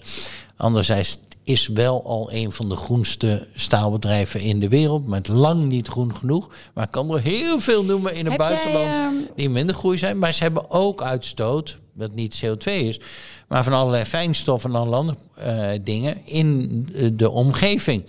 En vroeger woonde daar niemand, maar nu wel. Uh, en die mensen hebben daar heel veel schade en last van. En natuurlijk moet dat worden opgelost en aangepakt. Er zijn twee dingen die nu in mijn hoofd schieten. Eén is dat Rob Jette afgelopen zondag, zondag voor een buitenhof heeft gezegd. Heel, hè, dat is natuurlijk onze demissionair minister van Klimaat. En die zei, uh, als Tata Steel in 2030 niet op groene stroom uh, draait, dan gaan ze dicht. Ja. Nou, dat, dat was best wel een uitspraak van een mm. hè, overheid richting een privaat bedrijf. En, uh, en, de, en dat, zo reageerde ook de, de journalist van buitenhof. Van, van, nou, zei Rob, ja, het is heel simpel. Uh, Tata Steel opereert al zo lang buiten de planetaire grenzen. Van CO2-uitstoot, van wat, wat, zoet water hoorde ik ook voor het eerst. Maar dat er zoveel zoet water gebruikt wordt in dat productieproces. En wat, uh, waar, natuurlijk ook schaarste misschien wel op ontstaat. En uh, de omgeving. Ja. En dan heb je natuurlijk ook nog Benedike Fiek, Benedike Fiek heet ze, de ja. strafrechtadvocaat. Die zegt, ja. nou wacht eens even, bestuurders die willens en wetens bijdragen aan vervuiling. Hè, en dat is gewoon een milieudelict. Dat is strafrecht. Daar staan, daar staan, uh, straf, daar staan straffen op. En niet mis. Nou, ik geloof tussen de 15 en 20 jaar je, Gaan we dat nog meemaken? Je dat... een heleboel onderwerpen aan. Ik ga er een paar antwoorden op geven. Kies jij maar. Oh, ja, deze waaier. Uh, precies. Uh, even het fijnstof en de dingen die zo'n bedrijf uitstoot... die slecht zijn voor de mensen in de omgeving die er wonen. Uh, die daar ziek van worden. Dat is niet goed. Dat moet veranderen. Dan kan je die mensen die daar in de omgeving wonen niet aandoen. Dus dat moet veranderen, dat zal het bedrijf moeten oppakken. Oké. Dan krijgen we CO2, klimaat, dat is een groter en een breder, dat is geen lokaal onderwerp, dat is een groter en breder. Er zijn een heleboel instanties die CO2 uitstoten in dit land. En die hebben grote en kleine uitstoters. Natuurlijk moet dat worden aangepakt. Maar stel dat je nu het bedrijf om die reden wil sluiten, wil je dan ook de producten die daaruit komen niet meer gebruiken? Gaan we geen staal meer gebruiken in Nederland? Jawel. Goed, waar hou je dat dan vandaan? Van andere bedrijven. Die zitten in het buitenland, ja. En stoten die per ton staal meer of minder CO2 uit? Waarschijnlijk meer. Oké, is de moeder aarde dan geholpen als we in Nederland de CO2-uitstoot uh, eh, verlagen van dat bedrijf? En we gaan hetzelfde staal gebruiken van een andere plaats. Maar nou, uh, Fijke, wacht dus even. Nu heb ik jou. Nee, uh, nee. helemaal niet. Ik maak hem toch nog even nou, af. Op. dus Natuurlijk moet het bedrijf reduceren en natuurlijk moet je als land ook voorloper willen zijn. Nou, ik ben een van de grootste voorvechters daarvoor. Maar je moet ook genuanceerd blijven denken. Dus het is niet alleen maar ongenuanceerd. En ik vind dat een ander traject en een ander onderwerp dan het fijnstof voor de mensen in de omgeving. Dat is heel urgent. Het laatste wat je zegt. Er zijn op dit moment, en de bestuurskamers moeten zich dat realiseren, er zijn op dit moment 3000 rechtszaken tegen bedrijven in de wereld op het terrein van klimaat. Dat is absoluut anders dan tien jaar geleden, waarin er bijna nul waren. Uh, en ook rondom CO2. Bedrijven moeten ze realiseren, je zal moeten veranderen. Want dit soort dingen zullen er steeds meer komen. Anderzijds, ik hoop niet dat we een situatie gaan krijgen dat we dit soort dingen alleen maar voor de rechter en met rechtszaken nee, gaan. Nee, maar dat is ook en niet dat bedrijven houdbaar. gewoon hun eigen verantwoordelijkheid nemen. En dat we hier geen juridisch spel van Maar gaan even terug naar jou. Hè? Want jij zei, uh, sorry dat ik je net onderbrak, nee. maar ik dacht het kwam we hadden het natuurlijk net al erover dat jij zei: ik vind het normaal dat DSM uh, zijn water uh, verschoont ja. of uh, filtert voordat het die rivier ingaat. Ja. Hè? Ook al is daar de wetgeving anders, ook al zijn er andere regels. 100%. 100%. Maar waarom vind jij dan niet dat in Nederland een staalfabriek ook net zo goed die transitie moet versnellen, whatever, om te zorgen hè, als de minister zegt 2030. Kijk, wat ik wel interessant vind in Nederland nee, dat iedereen. Oké. Okay. Maar en dan nou gaan we in dit details. Dat vind ik ook. Dus dit soort bedrijven moeten dat ook doen. Dat vind ik ook. Net zoals ik net over DSM de In het, huis, het Nederlands huis zijn dit de spelregels. Vind ik ook. Ja. Dat moet ook. Je moet ook even luisteren naar die bedrijven. Vind ik ook. Dus altijd ik ook hoor en wederhoor. In wat voor tempo kan je dat dan voor elkaar krijgen? Je noemde net dat ook de minister daar bepaalde tijdslijnen uh, voor heeft neergezet. Is dat uh, haalbaar? En ik hoop, je had het net over subsidies, ik hoop ook dat we dan de technologieën kunnen ontwikkelen om die bedrijven niet te sluiten en het elders te vandaan te halen, maar die bedrijven te behouden eh, en veel schoner te opereren. En als we ook die, en daar kan de overheid natuurlijk ook in helpen, om die technologieën te ontwikkelen. En dan binnen een tijdslijn dat ook doen.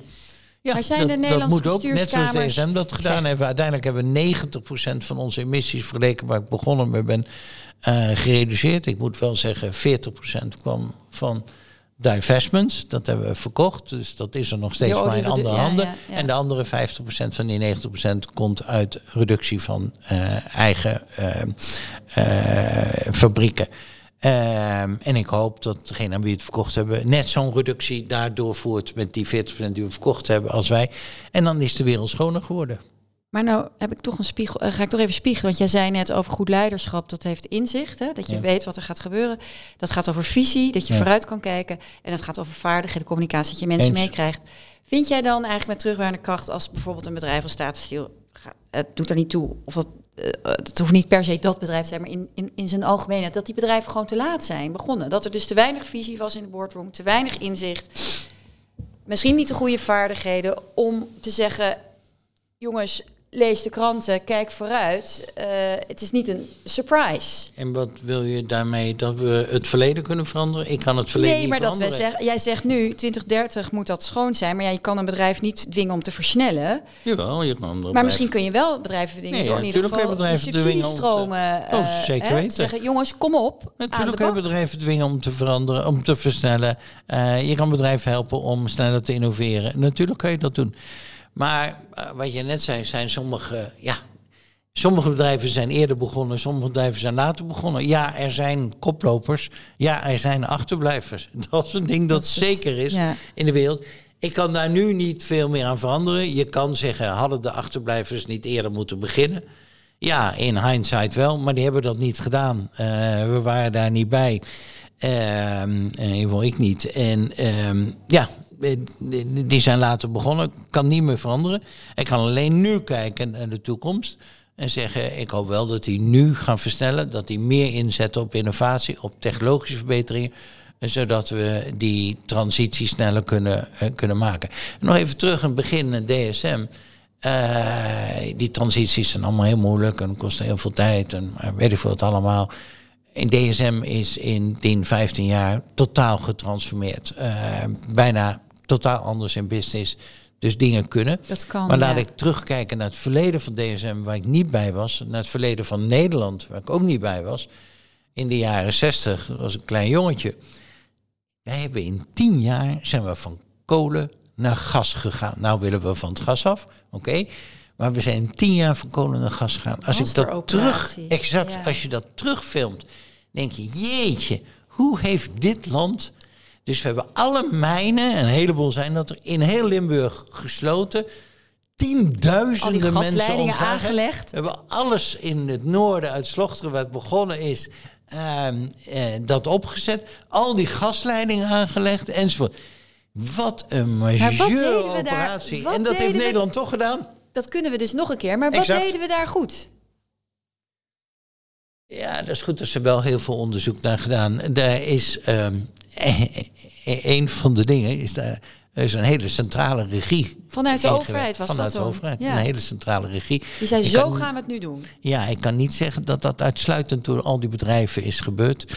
Dat is, heeft een hele zware regie achter gezeten eh, van de overheid. En daar waren toen, eh, en ik weet niet meer precies wie er allemaal minister waren. eh Den Uyl heeft een belangrijke rol gespeeld. Eh, natuurlijk een heleboel dingen gedaan waar je allemaal kritiek op kan geven. Maar hij heeft ook een heleboel dingen gedaan.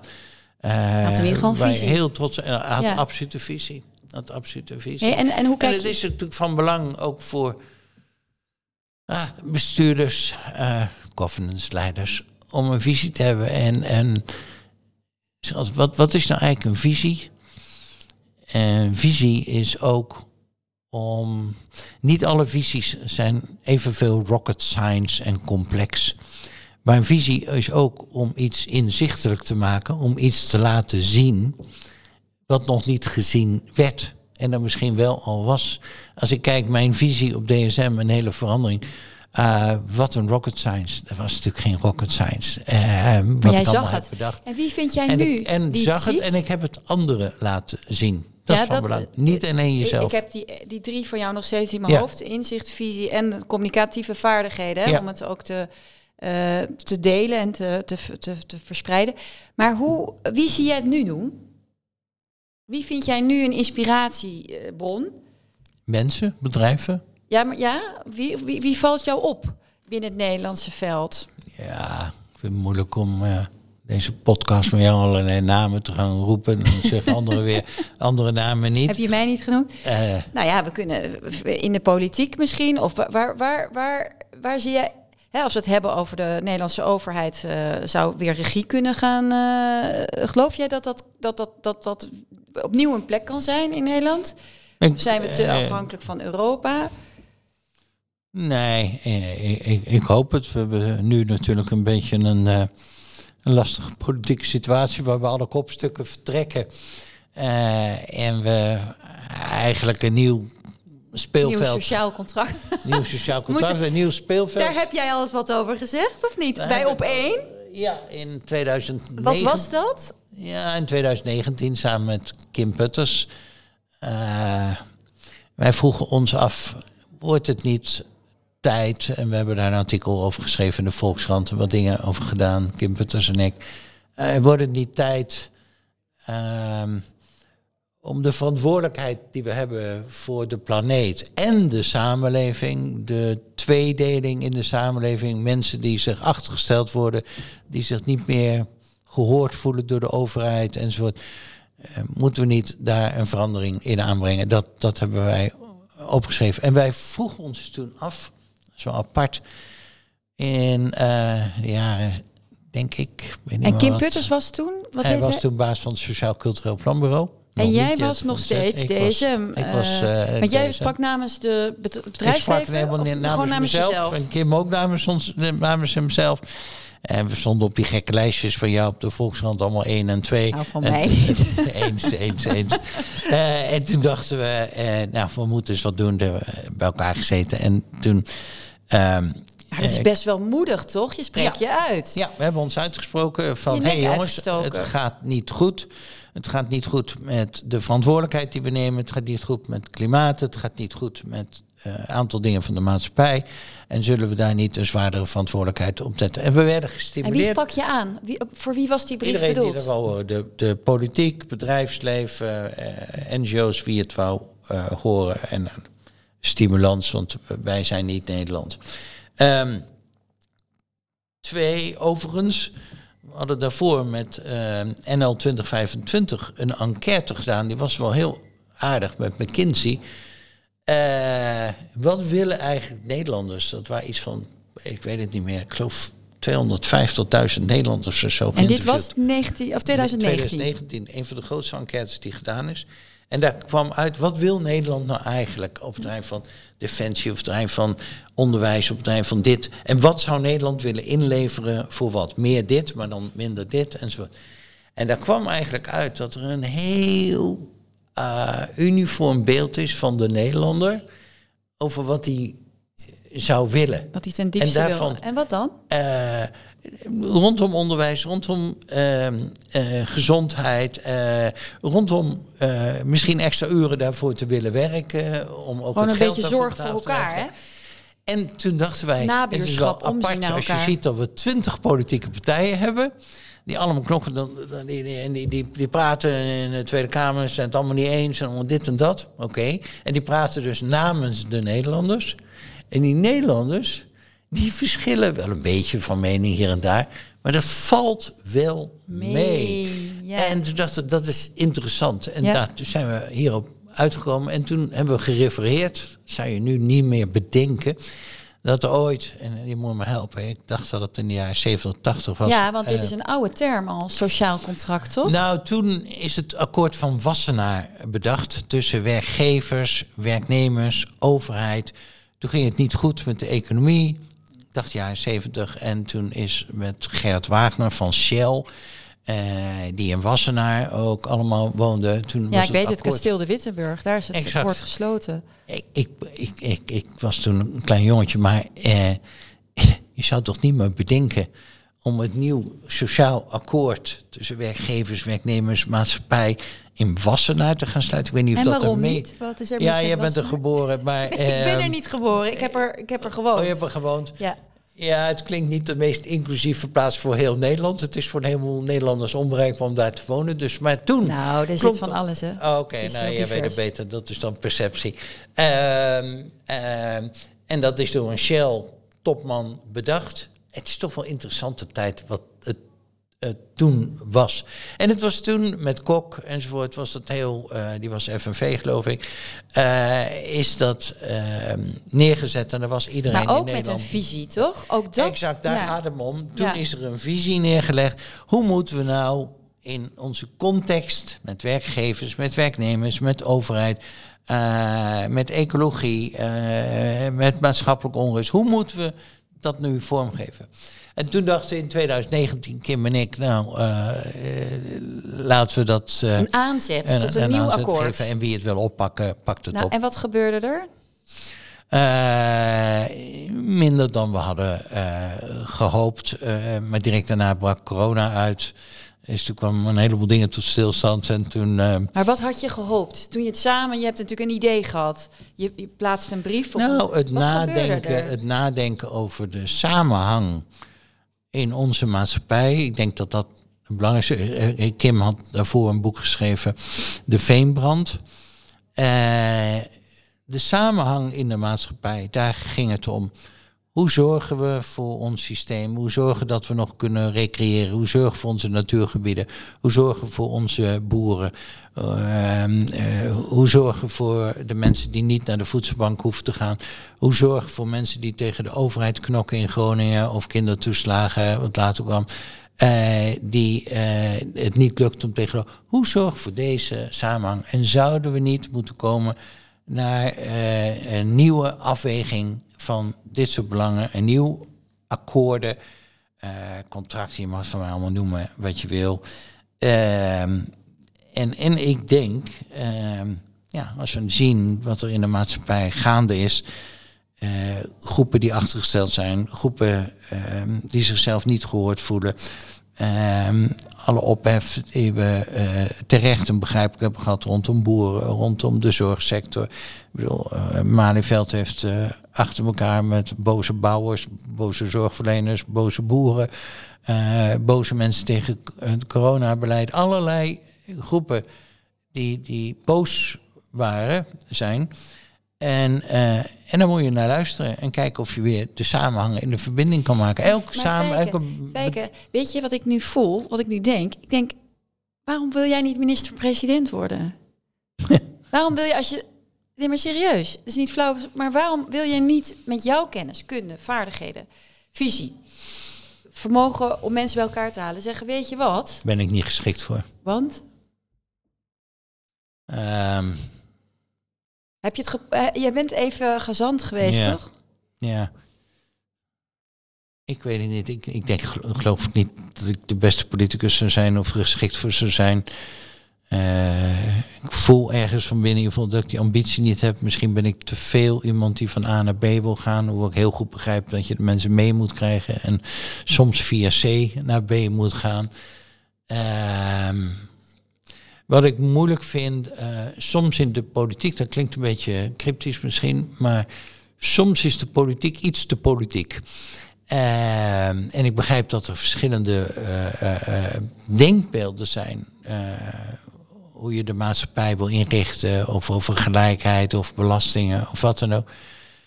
Maar ik hou niet altijd van het spel dat erbij hoort. Ik ga liever zeggen, dit is een probleem en dit hebben we. En laten we nou even stoppen. Ik hou ook niet in een bedrijf ehm, eh, van het spel. Ik probeer altijd, en dat is ook een Nederlandse cultuur, laten we gewoon open en eerlijk op tafel leggen eh, wat er is. eh, en dat bespreken. en Maar Fijke, ik Maar denk dat heel ik veel schets een mensen... verkeerd beeld van de politiek. Ik, re- Nee, ik nee, nee, realiseer me nee, nou, nee. ik realiseer ik me dat ik het zeg, dat ik... Ik denk dat heel veel mensen Nee, ik ga dit, zeggen, ook sorry, voelen. Vind ik Oh, belang, want ja, ik, zeg ik, maar. ik denk Ja. dat ik mezelf niet goed uitdruk, want ik vind het niet goed van mezelf. Als ik met Dédain zou praten over de politiek, dat hij een beetje te politiek is. Want het is ook een vak en, en zo werkt het ook. Nee, maar volgens mij Eh, hoef je dus, niet te eh, verexcuseren, want Ja, ik verexcuseer me wel voor mezelf. Ik ben gewoon niet goed voor de politiek, denk ik. Als Da- Dat persoon. is beter. Maar ik wil toch nog even terug, want de politiek is zoals het nu is. Hè? En wij zeggen ook altijd eh, eer vooral waar we nu met z'n allen staan. Eh, we hebben een democratie, we hebben een parlementaire democratie. Die is opgetuigd. Daar zitten, we hebben de vrijheid van meningsuiting, we hebben vrijheid van partij oprichten enzovoort. Maar er zijn ook is een hele grote groep mensen inmiddels in Nederland. Hè. We zijn een parlementaire democratie. Het gaat over eh, de, de stem van het volk. Die zegt, ik wil het anders. Ik wil een nieuwe bestuurscultuur. Ik wil dat het niet meer gaat over het spel. Ik wil dat het, dat spel, dat, dat, dat constant komt dat naar voren. Ik wil dat we vooruitkomen met z'n allen. Vanuit een visie, vanuit een plan, vanuit een akkoord. Vanuit dat we rekening houden met elkaar. Ik denk dat daar superveel draagvlak voor is. En dat de meerderheid dat ten diepste wil. Want, bedoel, Mildred, wat houd je tegen? ik ben het ook met je eens dat je natuurlijk een bepaald dat je dat, het is ook een vak. Je moet het ook kunnen. Ja. Dan gaan we het samen doen. nee, dat Weet is flauw. ik heb ook- Maar ik denk wel dat een democratie onderhouden moet worden. Ja, dat is waar. En dat kwaliteit daarbij ook belangrijk is en vaardigheid en mensen die eh, vaardigheden hebben, dat ze die ook ten, ten- in dienst kunnen stellen van de gemeenschap. In plaats van voor zichzelf in een. Hè, Eens. En dat probeer ik in de verschillende rollen die ik heb. En soms lukt dat beter, soms minder. Ehm, ja, en ik probeer me, eh, zolang het me gegeven is en ik gezond blijf en, en verstandig blijf en anderen te beoordelen, eh, me inzetten wel voor de samenleving, voor het klimaat, voor honger, voor duurzaamheid, dat soort dingen. Ja, en wat gaat je. Wat, wat ga je de komende vijf jaar eh, doen? Vijf ben ik daarna afgeschreven. Ja, vijf tot tien. Wil je, ga je- Vijftien, vijftien, 15 twintig. jaar. Ehm, ja, me inzetten voor duurzaamheid, me inzetten voor het klimaat, me inzetten voor het wereldwijde voedselsysteem, waar natuurlijk niet veel van klopt. Allemaal dingen die niet goed zijn, die verbeterd moeten worden.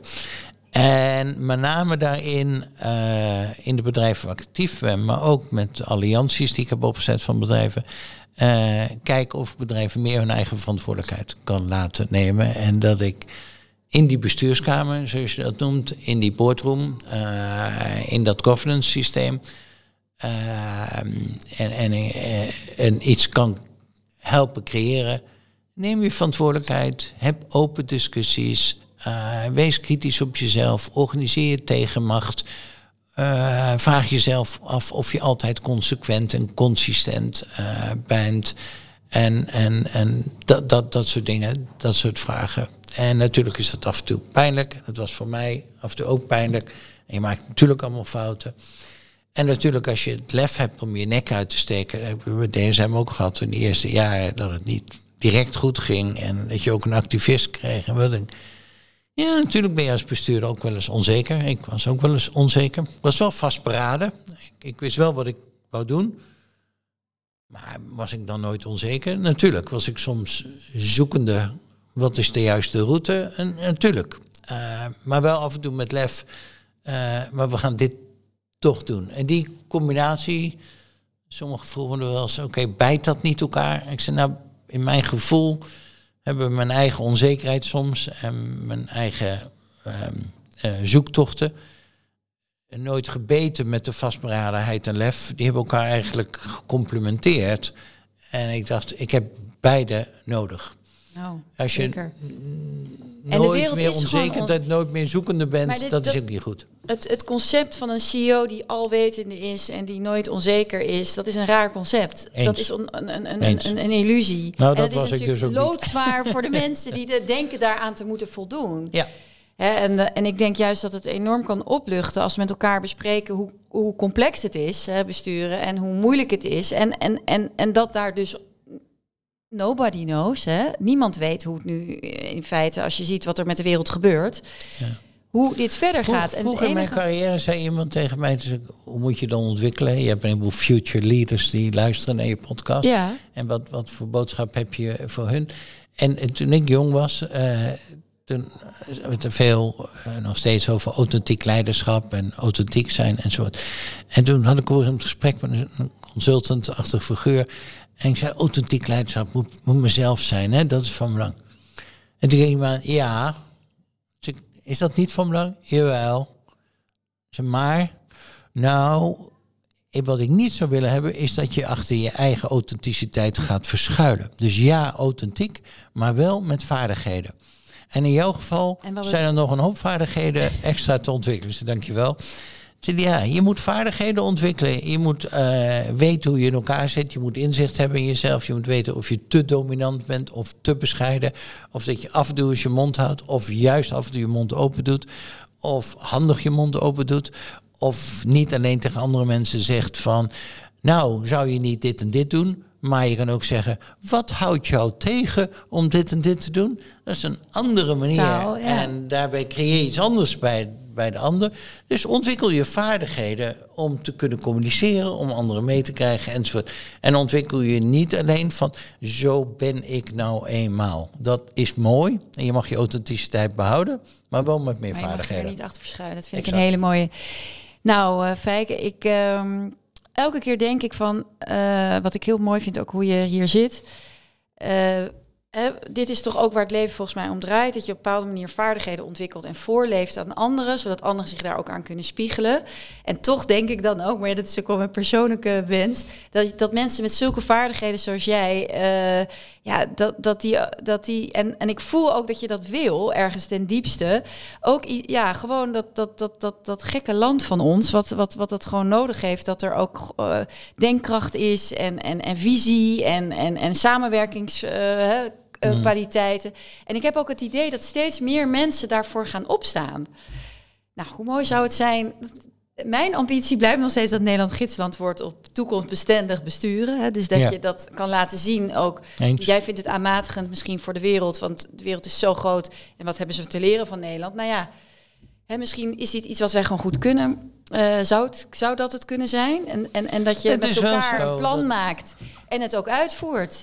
Ja, het is wel zo dat het apart is. Daar hebben veel mensen mij vragen over gesteld. Als je naar de Dow Jones Sustainability Index kijkt, zitten ongelooflijk veel Nederlandse bedrijven in de top wereldwijd. Mensen vroegen mij wel eens, wat zit er in het drinkwater? Dat Ja, voor zo'n klein verteld. land Ja. jullie zoveel bedrijven hebben die daar in de top staan. Dus wat voor verantwoordelijkheid eh, nemen toch een heleboel bedrijven? En lang niet voldoende, en kan veel beter enzovoort. Maar toch is er zit je openheid en directheid als klein land, waar je natuurlijk altijd moet hebben om interesse te hebben in de andere landen, want anders deden we nooit zaken, want we zijn veel te klein zelf.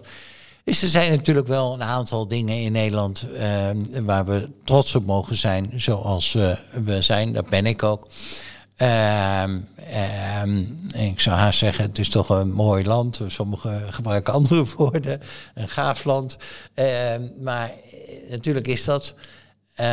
Toch zou ik altijd voorzichtig willen zijn met alle grootmachten met hun eigen cultuur in omgeving. Of het nou Duitsland, Frankrijk, Engeland in, in, in hier is, of Amerika en China en India. Ehm, ja, dat zijn ook hele grote culturen met heel veel mensen. En die zijn anders geroet en geworteld. En eh, niemand is daarin beter of slechter. Maar we kunnen allemaal dingen van elkaar leren. Dat geloof ik zeker. Eh, en laten we kijken of we die dingen van elkaar kunnen uitpikken. Waar we allemaal beter van worden. En zo is ooit ook, kom ik terug, full circle, de economie ontstaan. Maar Jij ook Nederland, toch? Nederland is toch ook een delta waar mensen zijn gaan bouwen. Absoluut. waar dijken zijn gebouwd. Ik, ik zat vanochtend in de Thalys weer naar Nederland en we reden eh, eh, Nederland binnen. En ik was zo waar trots. Ik keek om me heen. Ik zag het, vond het. Ik dacht, het is een verdomd mooi land. En achter mij zaten twee Fransen die zeiden: Les Pays-Bas. Ja, de lage landen. Ja. Yes, that's us. Wij leven onder NAP. Eh, we houden die, die, die, dijken overeind en we hebben dat hele watersysteem. En het doet me ook denken dat ik ooit was ik. ehm, waren wij op een studiereis naar uh, Bhutan over het bruto nationaal geluk. Ja. Omdat dat natuurlijk een hele andere manier is om het, om het BNP. We hebben natuurlijk het BNP, nou, ja. daar hebben we ook is al heel veel over geschreven. En toen hebben we daar een, uh, een lama heet een, een, ontmoet, een uh, monnik, die uit zijn retraite kwam. Want ze doen daar heel veel aan zelfreflectie. En hij zei op een gegeven moment tegen mij: It's coming from the blue-eyed people from the waterlands. Dat vond ik zo grappig dat hij dat zei. De change, hè? De, de, de, omdat wij wel moeten. Want wij zijn het land achter de dijken. En als wij ons niet aanpassen. Natuurlijk, en dat, dat hele. Ja, wat is het? Uh, hoeveel procent En tegenwoordig van zijn we helemaal lang niet meer blue-eyed. Hè? We zijn uh, uh, all over, maar nog steeds achter de dijken. Ja, ik denk dat dus het, de helft van Nederland zit zo'n beetje onder NAP. Ik weet niet wat precies het getal is. Dus natuurlijk hebben we iets bijzonders gedaan. Natuurlijk is het een heel mooi land enzovoort. En natuurlijk ben ik er ook trots op. Anderzijds, ik heb heel veel gereisd in heel veel landen in de wereld. Heel veel in China geweest, heel veel in India geweest, Afrika, natuurlijk Amerika, Zuid-Amerika. Maar ik bijvoorbeeld India en de Indiërs, ik heb niet alleen het landschap, maar ook de cultuur. Barat heet het nu, of niet? Barat, wil het toch anders genoemd worden? Nou, of ja. is dat, ja, India. En, uh, maar uh, ik vind een hele mooie cultuur ook. En... Uh, en waar ik over heel veel dingen van heb geleerd en opgepakt. En zeker ook de, de relaties uh, tussen mensen in de familie. Dus ja, er zijn heel veel culturen. Ook mooi hè, die relaties, gewoon je, ja, de zorg voor elkaar. Tot slot, we gaan uh, uh, de podcast eindigen. Um, ik wil je sowieso ontzettend bedanken voor al je mooie inzichten. Ik denk dat we nog eens goed naar gaan luisteren allemaal. Want er zit zoveel wijsheid eigenlijk, denk ik, in dit uur wat, dat we gesproken hebben. Dat weet ik Heel niet, veel maar- visie. Nou, dat vind ik wel. En daar wil ik je zeer voor bedanken. En dat je ook eh, ja, mooi eerlijk hebt verteld over hoe je tegen dingen aankijkt. Dank daarvoor. De volgende gast is Kees Vendrik. Hij is de eh, voorzitter van Nationaal Klimaatplatform. Dat is eh, on- in het leven, dat, valt direct onder het ministerie van Klimaat en Ja. En dat is echt bedoeld om de mensen mee te nemen, de consument, de burger, maar ook de werknemers. Hè. Ieder, eh, ieder, eh, mensen hebben allemaal verschillende rollen in deze eh, transitietijd. Je bent kiezer, je bent burger, je bent consument en je bent werknemer. En wat, zou je, wat zou je hem willen vragen? Heb jij iets wat je... Ja, hè, twee dingen. Misschien drie vraagjes. Kees, hoe kunnen wij de transitie naar een duurzamere samenleving, duurzame economie versnellen, maar op zo'n manier dat dat geen strijd wordt in de bevolking, maar dat de bevolking meekrijgen. En daarmee moet je adresseren, is dit alleen maar een kostenpost en ook voor mensen die dat niet kunnen betalen? Of kunnen we hier ook een verdienmodel van maken waar we met z'n allen en alle Nederlanders van eh, kunnen profiteren in plaats van onderlijden? Als we dat niet voor elkaar krijgen, krijg je niet iedereen mee en krijg je niet de versnelling. Waarbij je bedrijven ook uitdaagt om hun verantwoordelijkheid te nemen. En aan hem de vraag, hoe kan hij dat nou doen? Want ik zie af en toe ook de discussie verharden met voor- en tegenstanders. En eh, dat helpt niet. heb je daar dan nog een tip voor, voor hem? Wat iets wat je denkt... Nou, hij heeft de functie dat hij dat moet invullen. dus we, laat, laat, laat hem mijn vraag beantwoorden Nou ja. en niet mij mijn eigen vraag. Ja, dat is ook wel weer waar. Nou ja, hij kan eh, in ieder geval deze podcast luisteren. Ik denk dat daar genoeg gedachten en denkrichtingen in zitten. Dankjewel. Mildred, jij bedankt.